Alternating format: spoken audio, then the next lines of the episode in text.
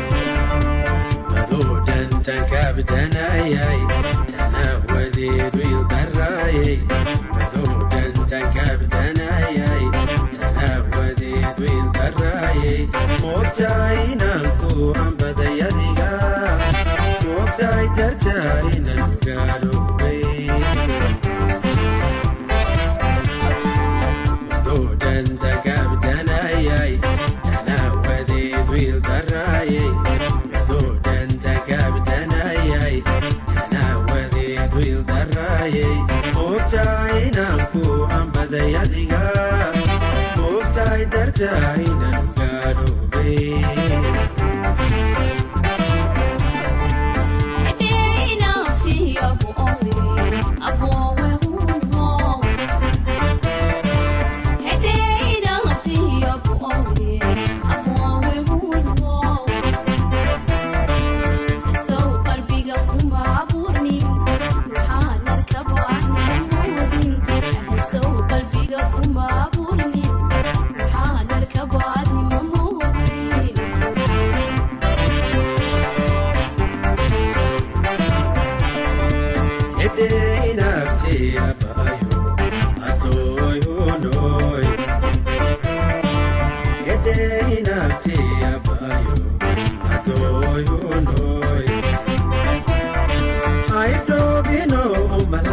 ahaadeen imaanka deeqa ha ilmayni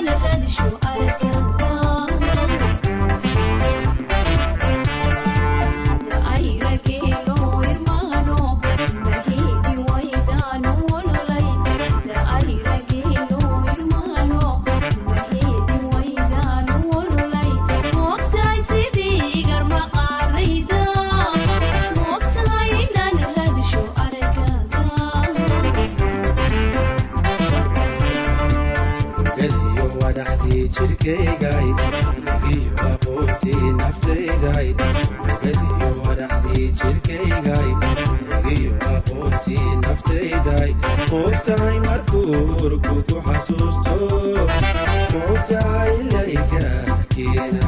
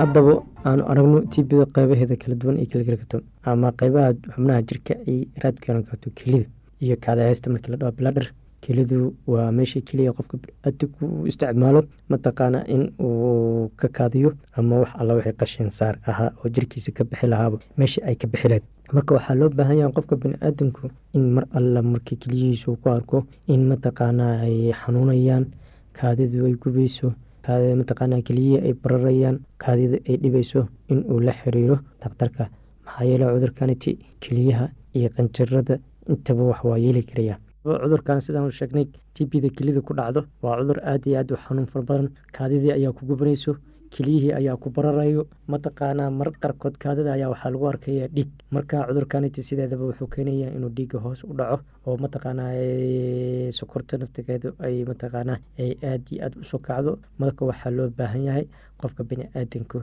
markay keliyaha bararan kaadidii ay dhibto ama kaadidii dhiig ka arko meesha ugu horeeyo uu tegayo waa dakhtar wixii waa la baraya maxaa keenay kaadidan dhiigeeda marka cudurkan waxaa lagu arkaya dadka badan badanaaba waa ay fuuqbaxayaan oo waxaa ka dhumayo xubno badan oo brotiin ahaa ama mirinal ahaa oo jirkooda ku jiray ayaa kaadidu ku fakanaysaa maxaa yeele meeshii waxaa dhacayo xubintii jirka ee kaadida fiildareynaysay ayaa naftigeedu kala bax ku dhacaya in maadooyin fara badan meesha ay ku dhumaan. Mar qarkooto kaadidii iyo wixii ayaa qofka biniaadamku ku ceshamayo oo jirka wuxuu dareemayaa bukaan aad iyo aad u tiro badan. Marka waxaa loo baahan yaha qofka biniaadamku alaaba qandhada markay badato labalaba ay qabato matag ay qabato kaadidii ay gubto oo mataqaanaa fuuqbaxa noocaasiti uu ku arko jirkiisa badanaa dhakhaatiirtu waxay dareemayaan in kelidii ama baro ku taalo ama t b kiis oo mataqaana infection xun uu ku yeelo. Marka qaarkood kaadida dhexdeeda naftigeeda ayaa waxaa lagu arkaya malax. Marka dhiiggaas iyo malaxdaas waxaa cad in kelidii ay bukootay oo aad aad meesha dhib ka soo gaaray. Marka sida badanaaba loo baahan yahay in qofka bini-aadanku uu la socdo xaalka jirka jirka dhibaya. Marka kaadidii ay sidaa noqoto ku gubto ma aad kaadin karaysid. Maxaa yeele infecshinku waxay dilaacinayaan oo ay burburinayaan ama nabar ay ku sameynayaan unugyadaadii keliyaha iyo marankii keliyaha marka infecshinku keliyaha ku dhaco tuubooyinkii keliyaha ayuu ku dhacaya kaadi haystuu ku dhacaya ka bacdi mataqaana wuxuu u soo gudbi karaa xiniintii u soo gudbi karaya guskii qofka ragga ayuu u soo gudbi karaya makaankii naagta ayuu u soo gudbi karaya intaba qofka bini-aadamku marka waa ku sii baabaya markaasa waxaaba dhici karaysaaba kaadidii wax walba oo aad kaadin lahayd in meesha mataqaana ay ku dhown kaadida haddii kugu noqotone qofka bini-aadanka jirkiisi waa isbedelayaa oo dhiigaasiti dhiig qarax ayaa dhaca dhix qaraxa marku dhacni qandhadii ayaa badanayso oo matag ayaa dadka qabanayo oo sumoobeysa marka aalaana waxaa laga yaaba koomabeyna geshid. Marka waxaa loo baahan yahay cudurka marka nooca keliyaha sitii uu kugu dhaco in goobta aad timaadid mataqaanaa dakhtarka dakhtarkii baris ayuu sameynayaa oo wuxuu sameynayaa in raajo la saaro exray la saaro ama in mataqaana kaadidii dhacankeeda la qaado. Marka kaadida dhacankeeda la qaadani waxaa la saarayaa testi. Badanaa dadka qandhadooda waxay gaartaa soddon iyo sagaal ilaa iyo afartan ayay gaartaa. Fuuqbax ayaa badanaa lagu arkaa oo harad baa qabanaya qofka biniaadamkii carabkii iyo afka ayaa qalalaya iyo cunihii ayaa xanuunaya marka waxaa loo baahan yahay dadka noocan ah in dakhtarka uu la xiriiro. Si loo helo in cudurkii loo dabargooyo daawooyinkiisana la siiyo marka sidaan idiin sheegnay xiniinta markay ku dhacayso waa soo qaadan doonaa xubnaha kale jirka markay ku dhacayso waa soo qaadan doonaa. Marka qeybahan hore dartaniti aan kor ku soo sheegnay qofka biniaadamku soo food saarto waxaa loo baahan yahay in aad ka taxadartid qaabkii aad u daaweynid daaweynta cudurkaniti waa sahlan tahay. Wax aad iyo aad u fudud maaha. Waxaa saddex bilood lix bilood sagaal bilood lacag la'aanna waa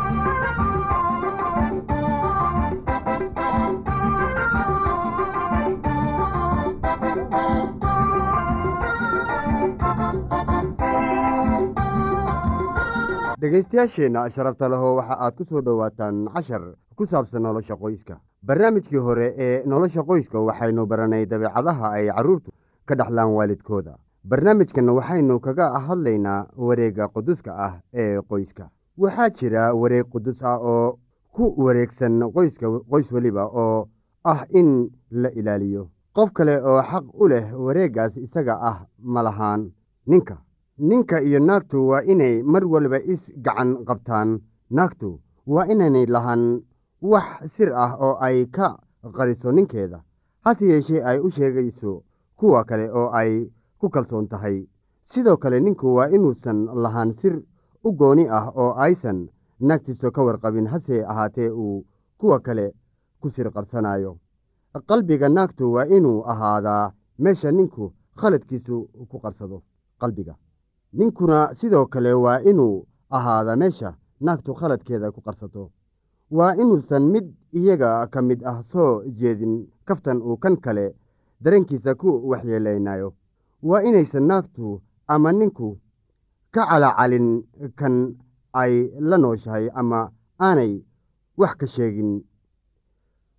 Ku celcelin ah dabeecaddan doqonnimo iyo kaftan aan micnaha lahayn amase marka loo arko mid aan dhaawac keenaynin ayaa waxaa laga yaabaa hadhow inuu si kale isu beddelo. Waa inay jirtaa wareeg ama koobaabin u cayiman qoys weliba taas oo qudus ah. Xitaa koobaabin guriga uu ka kooban yahay waxaa wanaagsan in loo arko meel qudus ah. Calaamadda jannada iyo muraayad aynu innaga isku eegno. Saaxiibo iyo marti waynu lahaan karnaa laakiin ma ahan inay faraha la soo galaan nolosha guriga. Waa inaynu lahaanaa dareen mas'uuliyadeed innaga oo isa siinayna degnaan aaminid iyo nasasho kaamil ah. Sabar cafis iyo dulqaadasho. Kuwa ka tirsan wareegga qoyska waa inay ilaah ka baryaan inuu carabkooda dhegahooda iyo indhahooda hanuuniyo. Markii ay wajahaan wax shar ah. Ma wanaagsanaa inay kaga reeyaan ama kaga dulmaraan sharkaasi iyaga oo shar kale samaynaya. Rabbiga waxa uu awoodaa in dabeecadda xun uu u bedelo mid wanaagsan. Imisa ilaah ku caasisay oo si xun u madashaa dabeecdihiisa wanaagsan xagga guriga. Imisa ayaan ku dhaqmin sabarka dulqaadka cafiska iyo jacaylka dhabta ah ee ilaah. Qaar waxay leeyihiin waxooda u goonida ah ee ay jecel yihiin iyo waxay necab yihiinba. Iyo iyagoo xorriyad isu siinaya inay sameeyaan waxa iyaga ka farxiya ee aanay samaynin doonista shaqada iyo dabeecadda rabbiga. Nolosha rabbiga ciise waxaa ka buuxaa naxariis iyo jacayl miyaynu nahay kuwa ku koraya dabeecadaha quduska ah waalidku waa inay ka taxadaraan oo aanay ogolaanin in gurigooda uu soo galo khilaaf maadaama ay tani tahay shaqada shayddaanka taas oo uu ku doonayo inuu ku dulleeyo reerka. Haddii waalidku ku dadaalaan midnimo ka jirta qoyska taas oo ay ku jiraan haddii waalidku ku dadaalaan midnimo ka jirta qoyska taas oo ay ku jiraan qodobada uu ilaah inoo jeediyey inay ina xukumaan. Khilaafka waa la saari karaa halkiisiina waxaa soo geli karaa hadiyadda ruuxa ee ilaah. Dhegaystayaal waxaa maanta intaa inoogu og casharkeennii haddii alla idmo. Casharkeenna xiga waxaynu ku soo qaadi doonnaa dugsigii ugu horreeyey ee uu cunuga tago